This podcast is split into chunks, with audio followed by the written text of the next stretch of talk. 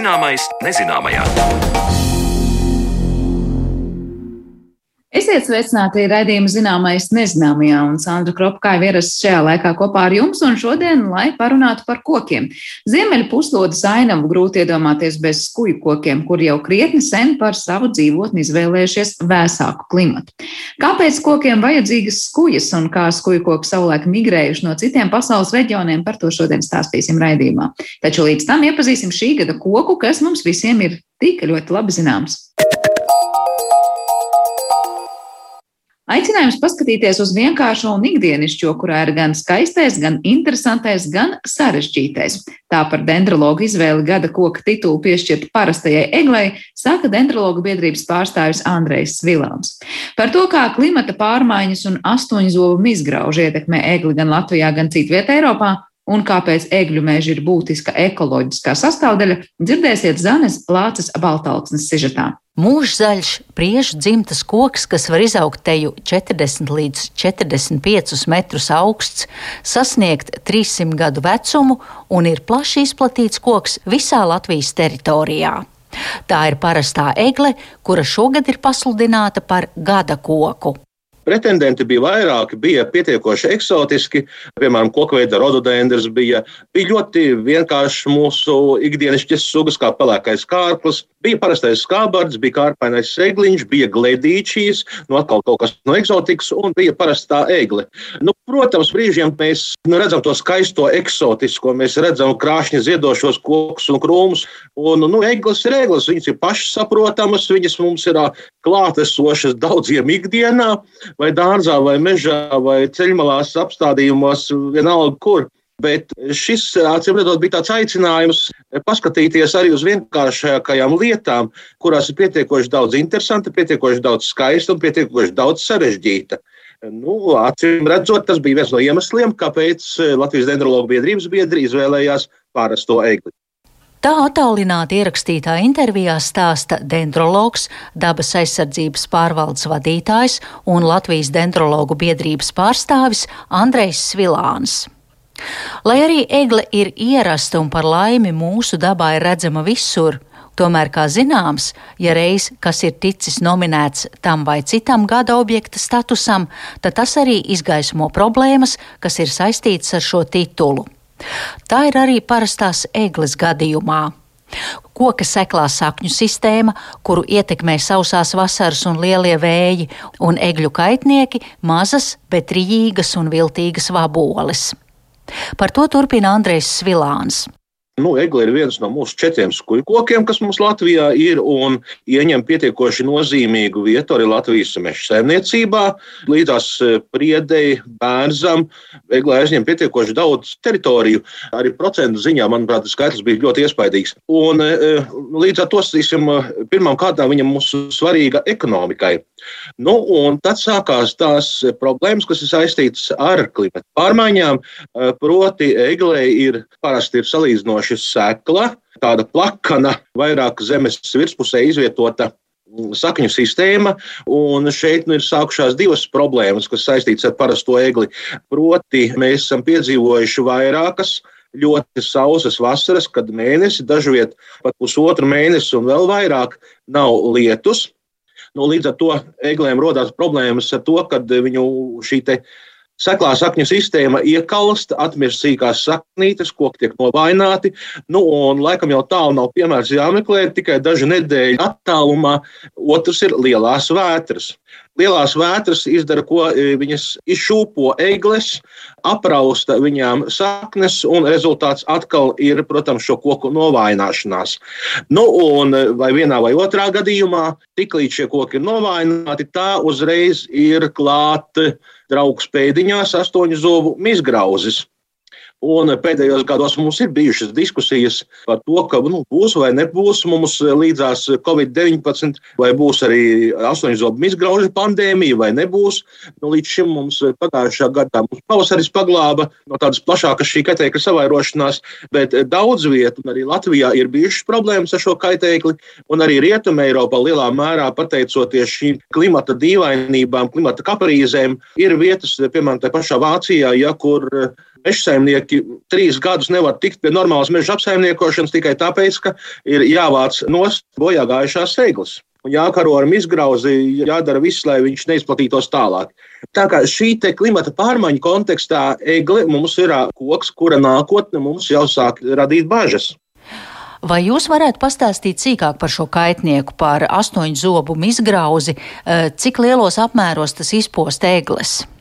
Astoņzobu izgrauzes ir maza, maza kā vabolīte, bet viņa ir spējīga pietiekoši ātrā laikā savēroties lielos eh, daudzumos, un eh, viņš graužās zem mīzes. Viņš pašā koksnē iekšā negraužās, bet, nu, protams, tiklīdz zem mīzes tur viss izgrausts ir šis dzīvais slānītis, kas nodrošina gan koka pārtošanos lielā mērā, gan augšanu, visam vecumā. Nu, tad, protams, koks vairs nav spējīgs dzīvot un koks aiziet bojā faktiski viņš iznīcina to koku. Un tad, kad mēs parasti ieraugām to rezultātu, ka kaut kur ir sasveķojuma stumbra, un, un ja paplēš mizu nost, ka tur jau ir jau izgrausts, nu, tad parasti ir par vēlu.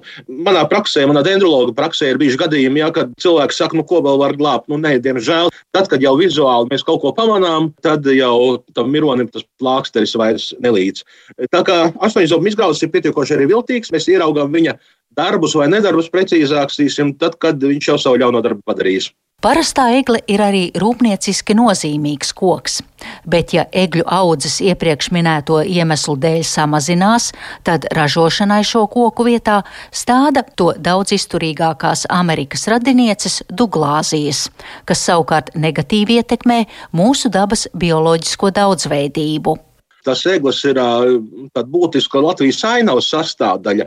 Egļu meži ir ļoti būtiska ekoloģiskā sastāvdaļa, jo egļu meži ir veido specifiska šīs dzīves vidi, kur dzīvo citi augi, citi dzīvnieki, un līdz ar to arī no bioloģiskās daudzveidības saglabāšanas viedokļi ir svarīgi. Nu, tad nāk tā nākamā problēma, kas, piemēram, nu, Vācijā arī vietām reģionos ir, kur jau gadu desmitiem, ja ne kādus gadus simts jau par ekonomiski izdevīgāko saimniecisko kultūru, nu, piemēram, ir atzīta no Ziemeļamerikas nākusī Duglāzija. Nu, Latvijā mums ar to duglāzi iet kā kurā brīdī, viņai ir visādākas eh, slimības, šādas tādas ik pa brīdim uznāk. Eh, bet, eh, ja kurā gadījumā, ja mums ar egli būs problēmas, Tad tādā gadījumā mēs saimniecībā droši vien radīsies jautājums, nu, ko tad, ja mēs to egli vairs nevaram stādīt, nevaram audzēt, ir pārāk daudz risku, ko mēs stādīsim vietā. Vai tas būs Duglāzija, vai tas būs Ziemeļamerikas atkal sarkanais ozols, vai tas kaut kur vēl kaut kas būs cits. Jā?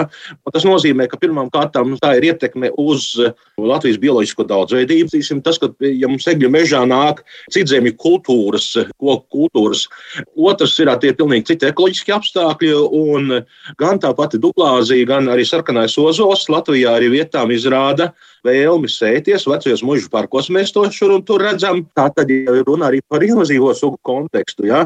Līdz ar to visam, sākums ir viens, ja? bet beigās tā problemātika jau aptver ļoti daudz un dažādas sfēras. Parastai eglei ir tikai viena suga, ja skatāmies uz Latvijā savvaļā augošajiem kokiem, bet mūsu botāniskajos dārzos un audzētāju privātkolekcijās ir selekcionētas vairākas jaunas šķirnes gan kā milzu plāceņi, gan kā dāmu platmalis, gan kā kompaktas bumbiņas. Tā krāšņi apraksta skujkokus mans sarunu biedrs, un kā viņš teica, lai nebūtu tikai bēdīgo ziņu par egli, tad acis varam priecēt ar izveidotajām dekoratīvajām šķirnēm. Parastai eglei ir ļoti daudz skaistu, izcilu dekoratīvo šķirņu, kas aug mūsu dārzos, jā, tā, tā šķirņu dažādība ir ārkārtīgi liela. Jāsaka, ka mums arī Latvijā šādu jauniegumu skaits ir mērāms nu, pāris desmitos vismaz, ja ne vairāk. Un savā laikā šeit liela ieguldījuma meža pētīšanas stacijas Kalsnava darbinieki veica. Pirms šiem gadiem, kādiem desmit, jā, tad eh, Nacionālās botaniskais dārzs sadarbībā ar LVM, eh, Latvijas valsts meža Kalsnavas arborētumu. Mēs arī braucām, vācām gan ēgļu, gan priežu, gan, nu, ja gadījās kaut kas ir eksotiskāks, šīs ragamas lotas vai vējas lotas. Kā, ja jūs redzat eglē vai priedē tādu blīvu zaru sabiezējumu, tad nu, nogrieziet kādu zariņu, uzpotējiet vai apsakņojiet, kā eglis gadījumā, var arī apsakņošanu mēģināt. Nu, un iespējams, ka jūs tiksiet pie jaunas skujkoku dekoratīvās šķirnes.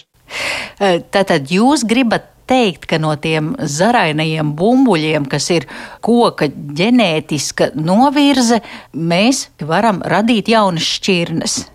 Lielākā daļa no tām mazajām kompaktajām bumbiņām, kas mums tur akmens dārzos un dārzos kā tādos ir stādīti, liela daļa no viņiem ir iegūta tieši no šīm vēslotām, jeb raganu slotām. Nu, retākos gadījumos tie ir mutantie sēklauži, kā piemēram viena no skaistākajām mūsu Latvijas savvaļas izcelsmes parastās eglis formām, Dundagas kadiķegle. Tik tālu par parasto egli, bet par to, kad eglis sāka augt planētas ziemeļpuslodē un kādas izdzīvošanas stratēģijas sevī slēpj skujas, parunāsim raidījuma turpinājumā.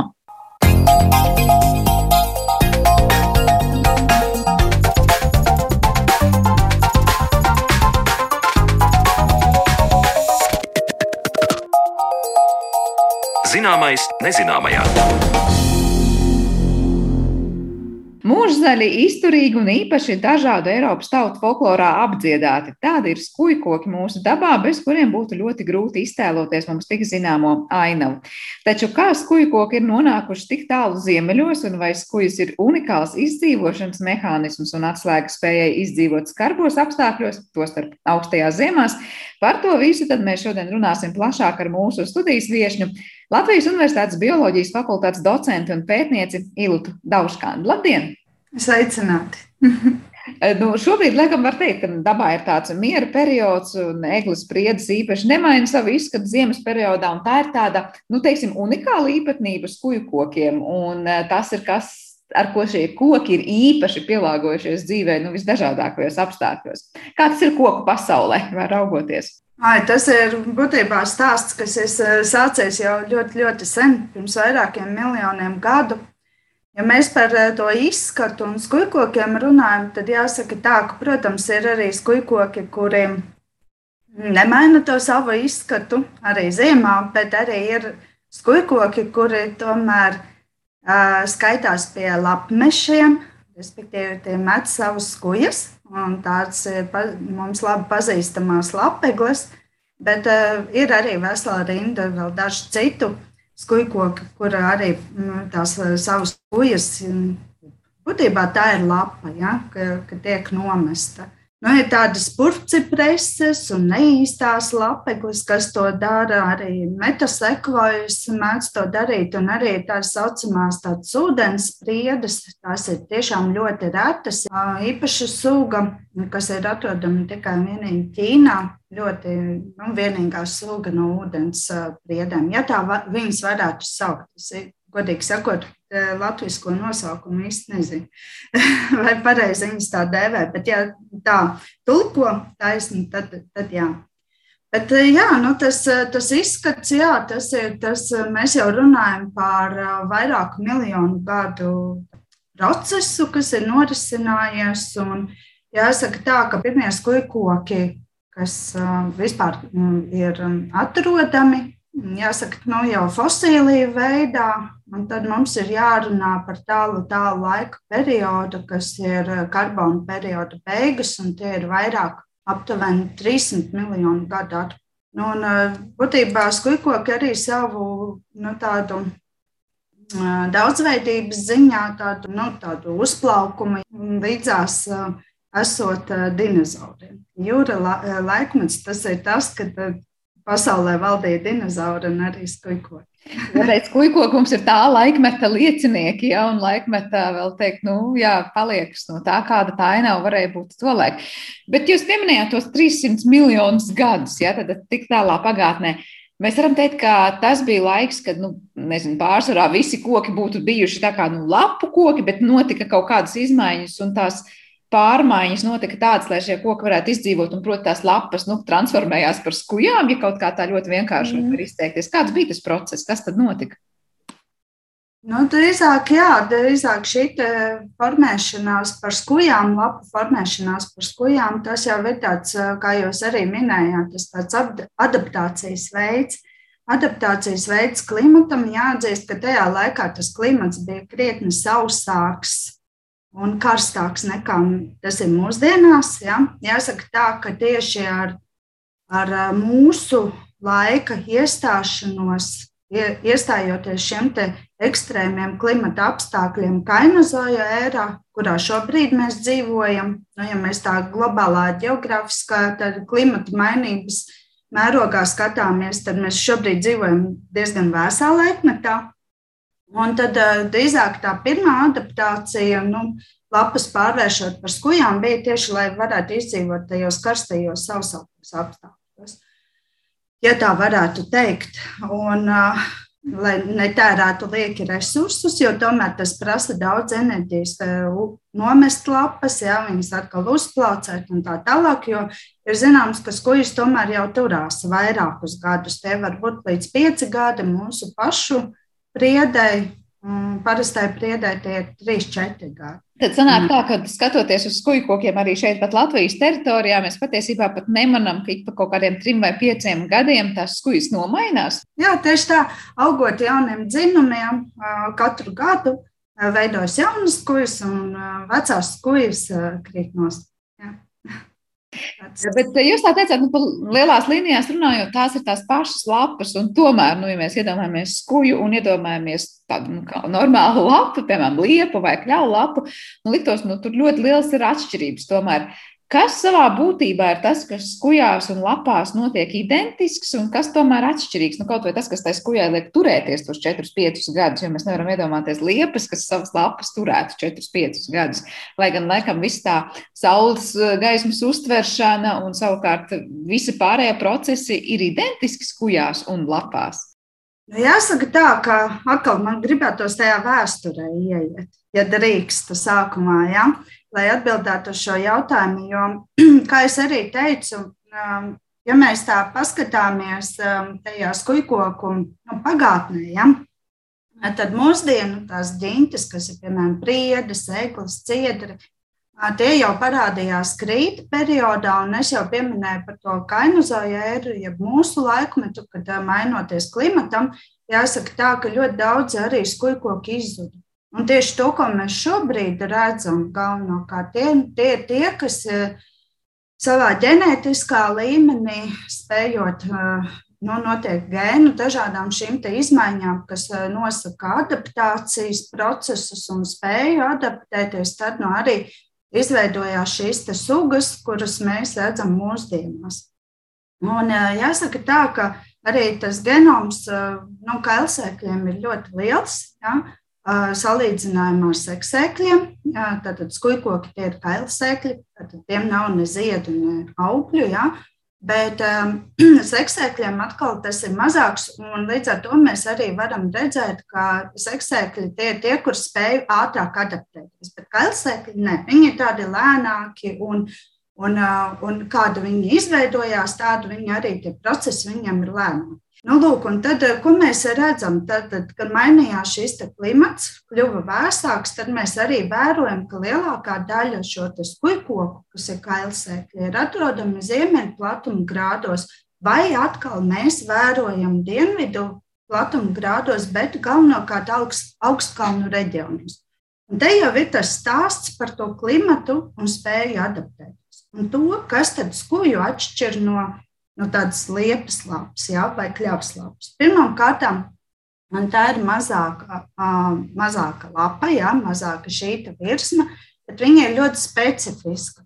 Un tā ir ļoti atšķirās arī šajā anatomijā, ja, kas tur ir iekšā tajā lapā. Un tad ir jāsaka, ka ļoti specifiski ir tas, ka tās um, lapas virspuses, kujas virspuses klāja epidermis slānis, Tas ir tāds šūns, kuram ir ļoti, ļoti biezi apvalki. Ja? Otram kārtām vēl pa virsmu iet vaska kārtiņa, kas spēj pasargāt no šiem augstajiem apstākļiem un arī vēl no visādiem procesiem ziemā, kas vēl var būt jānoritēt.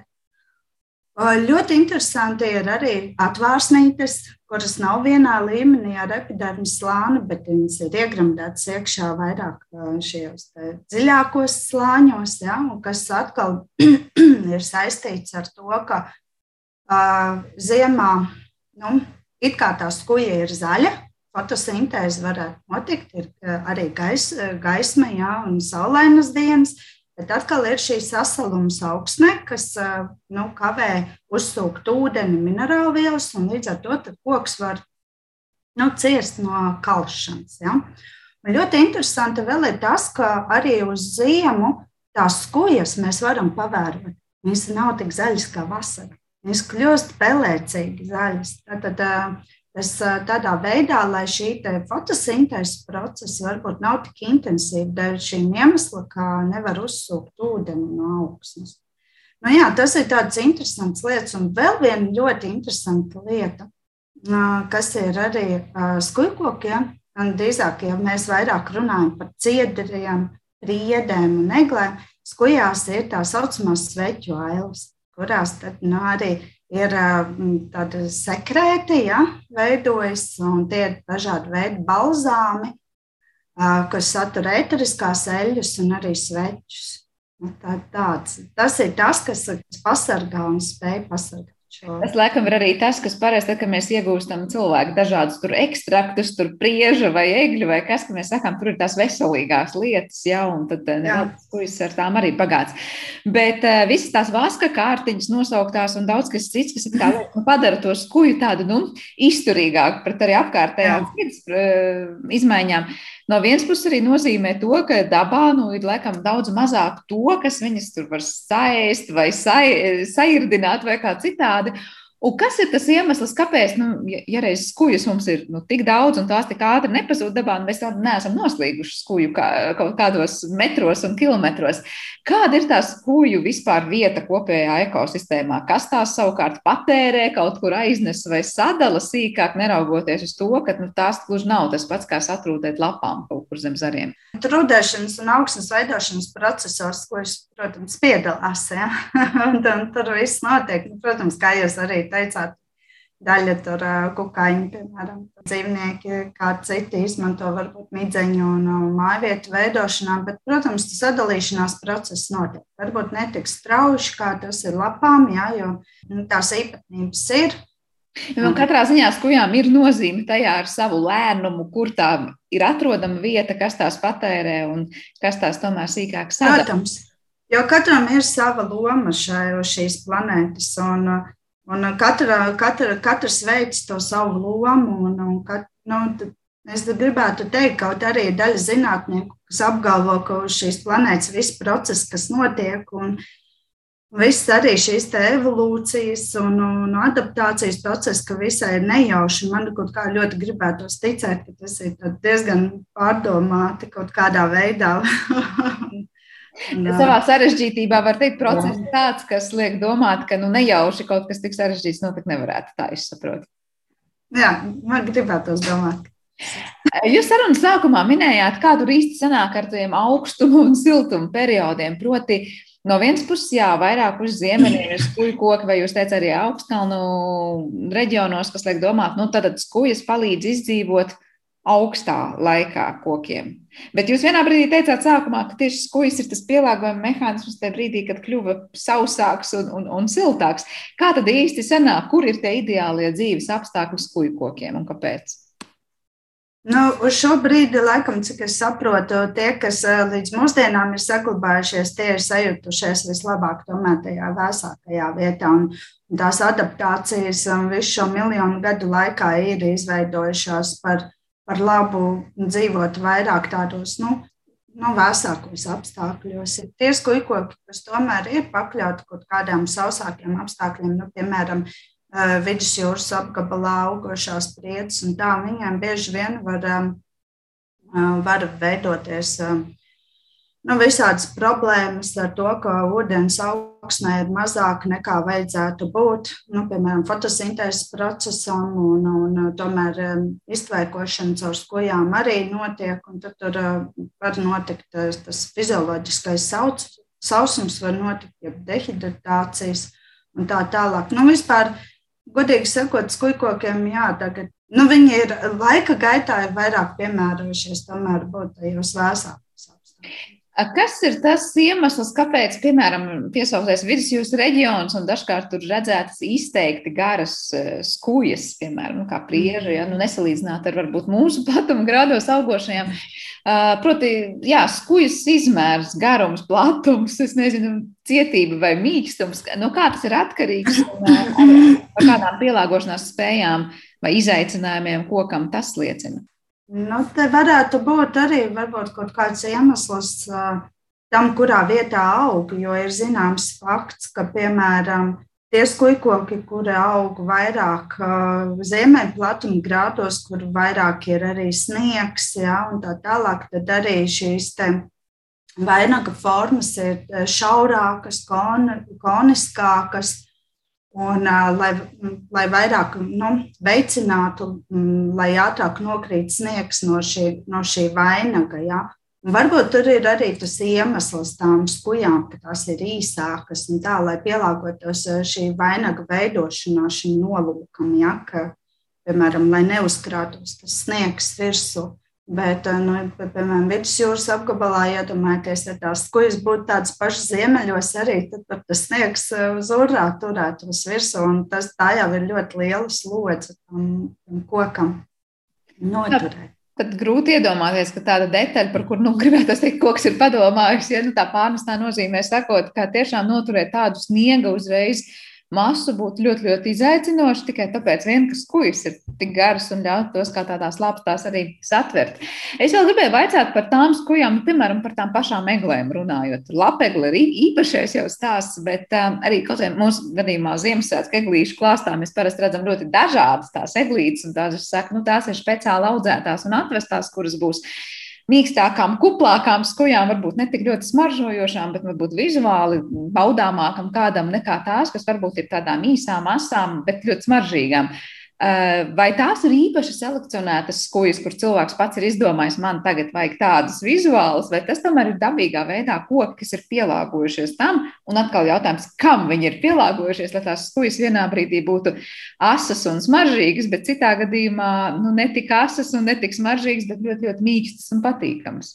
Mm. Jā, nu te, te ir atkal stāsts, atkal miedarbības starp dabu un cilvēku. Jo, kā jau teicu, tajās um, mūsu zonās, kur ir augsti, ja, tad veidojas šie koniskie, šaurie vainagu, vainagu skujkoki, bet, piemēram, augstās vietās, kalnainos apgabalos, kur ir sīks apgaismojums, tur atkal ir skujkoki pielāgojušies tā, ka viņu tās skujas nav tik zaļas. Tās ir zilganas vai sudrabainas nokrāsas skujas, un tas ir paredzēts, lai atstarotu šo ultravioleto gaismu. Un cilvēki laika gaitā, nu, selekcijas eh, laikā ir izmantojuši šīs pazīmes, lai nu, tālāk iegūtu to, kas viņiem, ko, ko viņi vēlētos. Es domāju, ka tā ir tāda jā, miedarbība starp eh, dabu un cilvēku, un, tālāk jau tā cilvēka darbs. Jā. Jā, tik tālu par to cilvēku ietekmi, bet, ja mēs runājam par pašu koku nu, migrāciju vai pārvietošanos, nu, jā, laikam pie migrācijas vārda pirmais nav, kas nāk prātā vārds koks, bet koki arī migrē un pārvietojas. Kā sākšu ar to, līdz mums ir nonākuši mums šeit augošie skuju koki, un jūs te sākāt ar tādu lielu skaistu atskatu vēsturē ar daudziem miljoniem, simtiem miljoniem gadu tālā pagātnē. Kāds ir tas scenārijs, kurā laikā mūsu priedes eglis skadiķi ir nonākuši pie mums un no kurienes? Cik daudz mēs par to zinām? Nu, tad drīzāk laikam atkal būtu jautājums paleoekologiem, kuri arī pēta šos procesus vairāk, bet cik nu man ir zināms, jā, tad, ja mēs atskatāmies pagātnē, tad pirmie, pirmās liecības Latvijas teritorijā, kas atrodams krīta nogulumos, ir jau atrodams putekšņi vissanākie skujkoku un arī pārogļotie koksnes gabaliņi. Te jau ir runā, runājumi par šo tālo pagātni, kas ir vairāk kā 100 miljonu gadu atpakaļ. Bet nu, par mūsdienu meža ainavu tad ir jārunā atkal par, par procesiem, kas notiek pēc pēdējā ledus, pēc, jā, pēc pēdējā apledojuma. Tad ledus, kas klāja Latvijas teritoriju.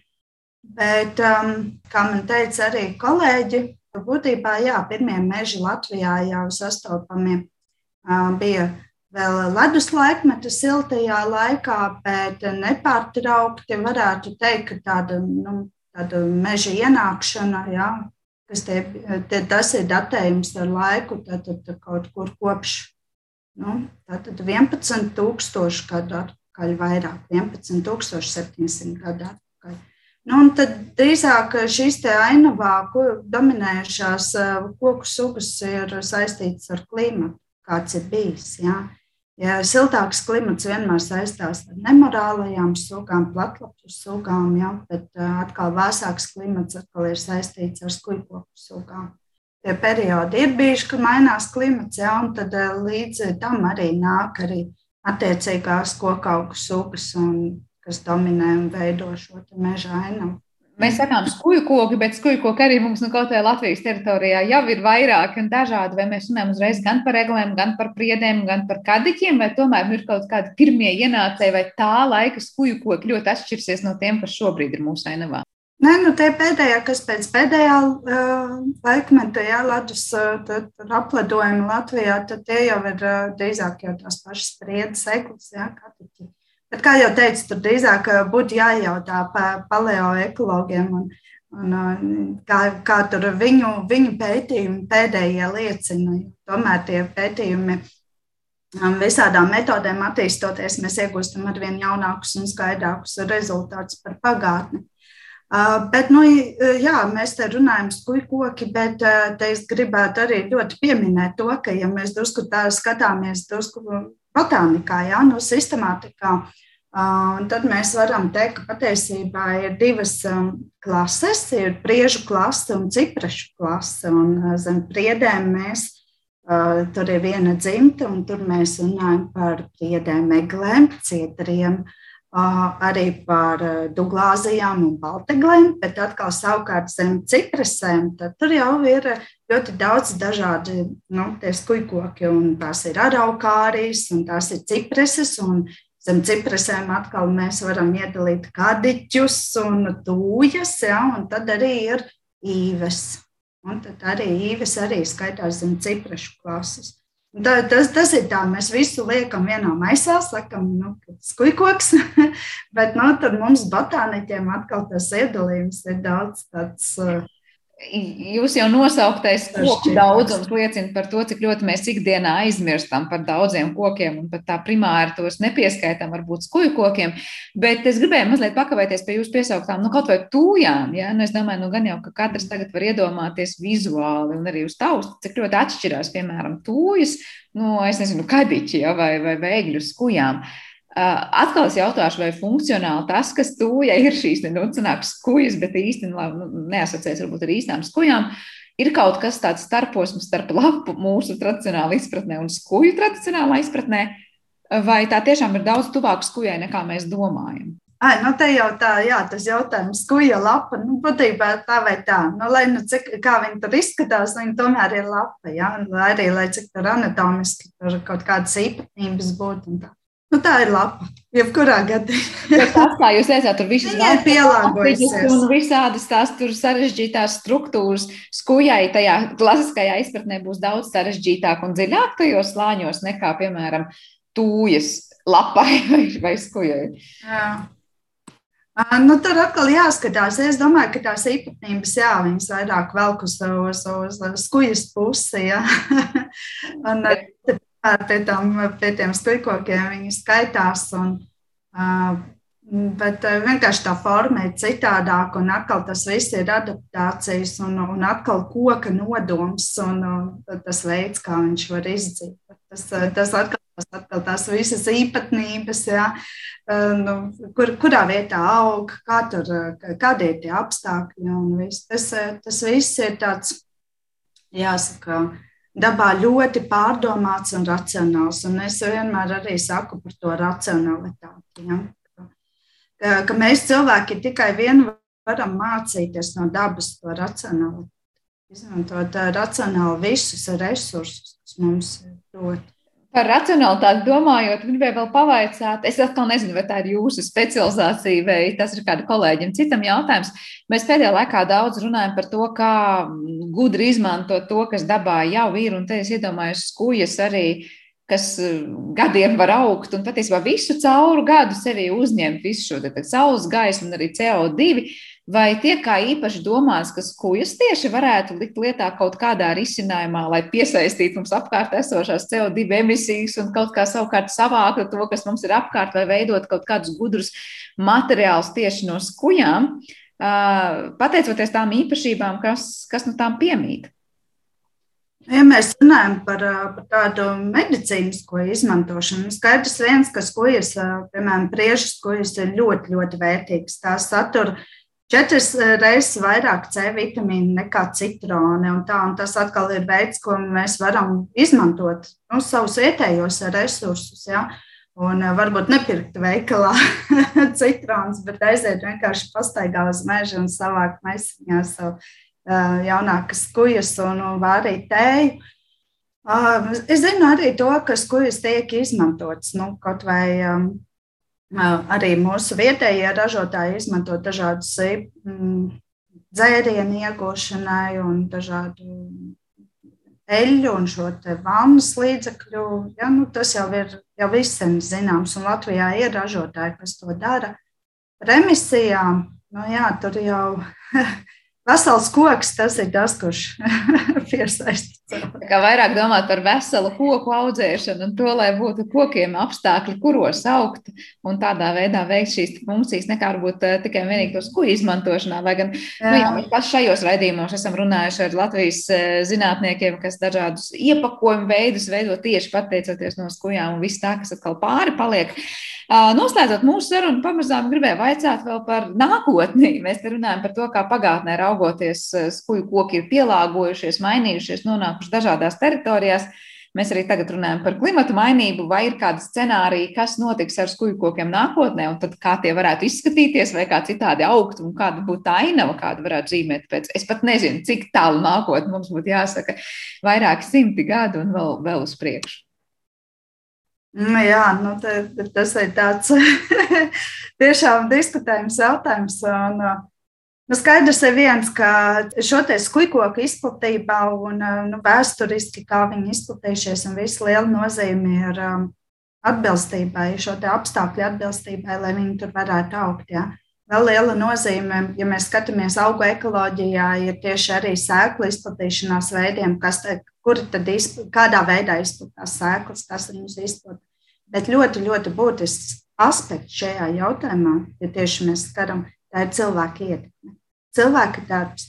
Mēs zinām to, kā Ziemeļa Eiropas ainava ir mainījusies ļoti būtiski tieši šī te, no mežsaimnieciskā aspekta puses, ja, un ka mērķiecīgi arī jau padomju laikos ir stādīta egle, ja, tajās vietās, kur varbūt varētu būt kāda cita koku suga.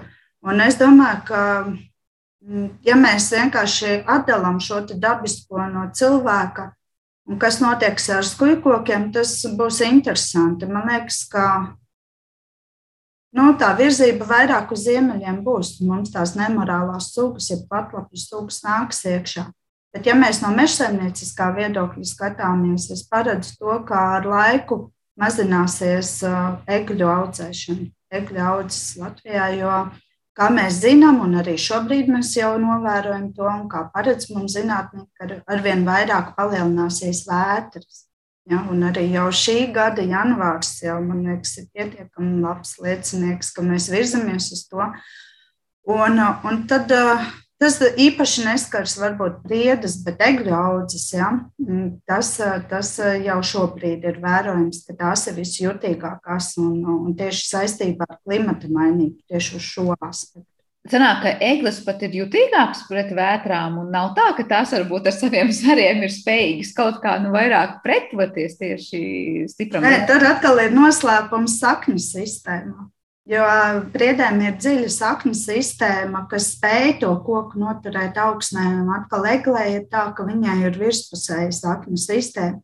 Viņa nav tik noturīga. Un tāpēc līdz ar to arī, līdz ar to arī ir tā, ka tās, tā ir suga, kas pakļauta vairāk ir vētrām.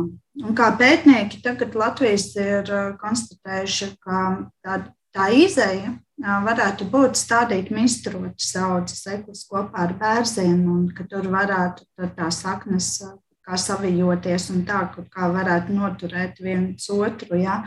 Bet uh, tur atkal ir jājautā pētniekiem, kuri ir veikuši šo pētījumu un, un kā viņi to pamatoja.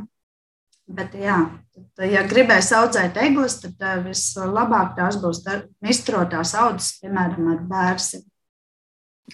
Tālāk, vēl viens piemērs tam, kā klimata pārmaiņas un ar to viss nākošais, proti, līdzi par šīm vētrām arī mēs bieži runājam, patiesībā mainīs un jau maina Latvijas ainavu. Un eh, patiesībā egļu sakņu sistēma nu, klimata mainībai nemaz nav tik ļoti piemērota, kā varbūt sākotnēji mums varēja likties. Ilūdzu, liels paldies par šo sarunu. Es saprotu, ka skujkoki ir tiešām vesela pasaule, kurā, kurā iegrimt un kurā iedziļināties. Un paldies, ka mums ir tādi zinoši eksperti, kas var palīdzēt to izdarīt pēc iespējas labāk. Ilūdzu, Dauškānē Latvijas Universitātes bioloģijas fakultātes docenta un pētniece atgādina bija šajā raidījuma pusstundē kopā ar mums. Ar to arī raidījums ir izskanējis, un par to teikšu paldies eh, Paulai Gulbinskai, šī raidījuma producentei, tāpat arī Girtam Bišam, kurš sagādāja mūziku šai stundai. Savukārt es, Sandra Kropa, jums būšu eh, atkal kopā arī šajā pašā laikā. Visu labu!